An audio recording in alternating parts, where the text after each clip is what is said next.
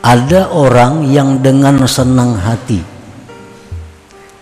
tanpa disuruh, tanpa dipaksa, tetapi dia merasa bahwa dirinya itu adalah hina. Tanpa dipaksa, tanpa disuruh, dia merasa dirinya itu sangat berhajat kepada Allah. Walaupun orangnya kaya, kada jadi soal orangnya sihat kada jadi soal. Orangnya uh, dimuliakan orang kada jadi soal. Walaupun dia punya harta walaupun dia dimuliakan orang walaupun dia sihat tetapi hatinya tuh merasa bahwa dia itu sangat perlu kepada Allah subhanahu wa ta'ala. Bahwa dirinya ini sangat hina sebenarnya. Nah ini orang yang dengan sukarela mendapatkan waktu yang mulia tadi. Ada orang yang dipaksa untuk mendapatkan waktu mulia ini. Nah, orang ini kaya. Nah, waktu dia kaya dia kadang merasakan dirinya itu berhajat. Allah sayang dengan hambanya ini. Allah paksa lalu dia difakirkan oleh Allah. Dengan difakirkan itu lalu dia sadar oh bahwa dia hina bahwa dia fakir kepada Allah. Nah ini orang terpaksa.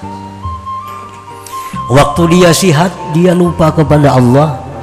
Waktu dia sihat dia merasa kada perlu pertolongan Allah. Allah sayang dengan hamba ini disakitkan oleh Allah. Begitu dia sakit sadar oh ternyata aku perlu perlindungan Allah. Ternyata aku perlu anugerah Allah. Ada orang yang begitu dia dimuliakan dihormati dia lupa kepada Allah. Dia lupa kepada asa jati dirinya sebenarnya adalah yang hina. Nah Allah sayang kepada dia Allah hinakan orang ini. Maka dia jadi terhina di tengah-tengah manusia Lalu dia sadar, oh ternyata aku sangat hina. Ternyata aku ini sangat butuh kepada Allah. Nah ini orang yang secara terpaksa untuk kembali kepada asalnya. Nah para muhibbin rahimakumullah. Jadi Allah subhanahu wa ta'ala ada dua jenis mempunyai kekasihnya.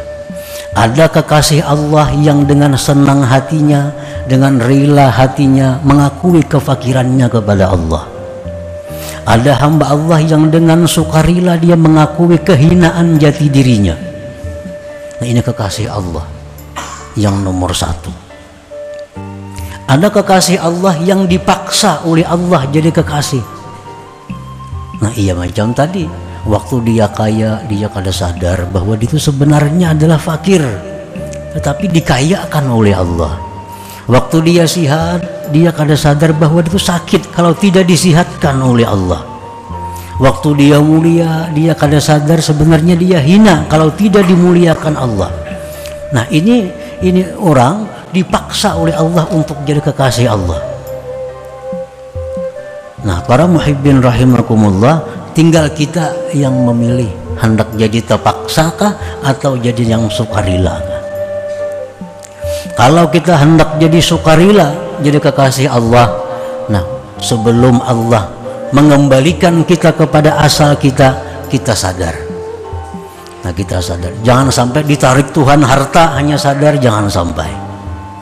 Jangan sampai ditarik Tuhan kesehatan hanya sadar jangan. Jangan sampai ditarik Tuhan kemuliaan hanya sadar jangan. Tapi di waktu kita kaya di waktu sihat di waktu mulia kita sadar jati diri kita adalah sebenarnya hina.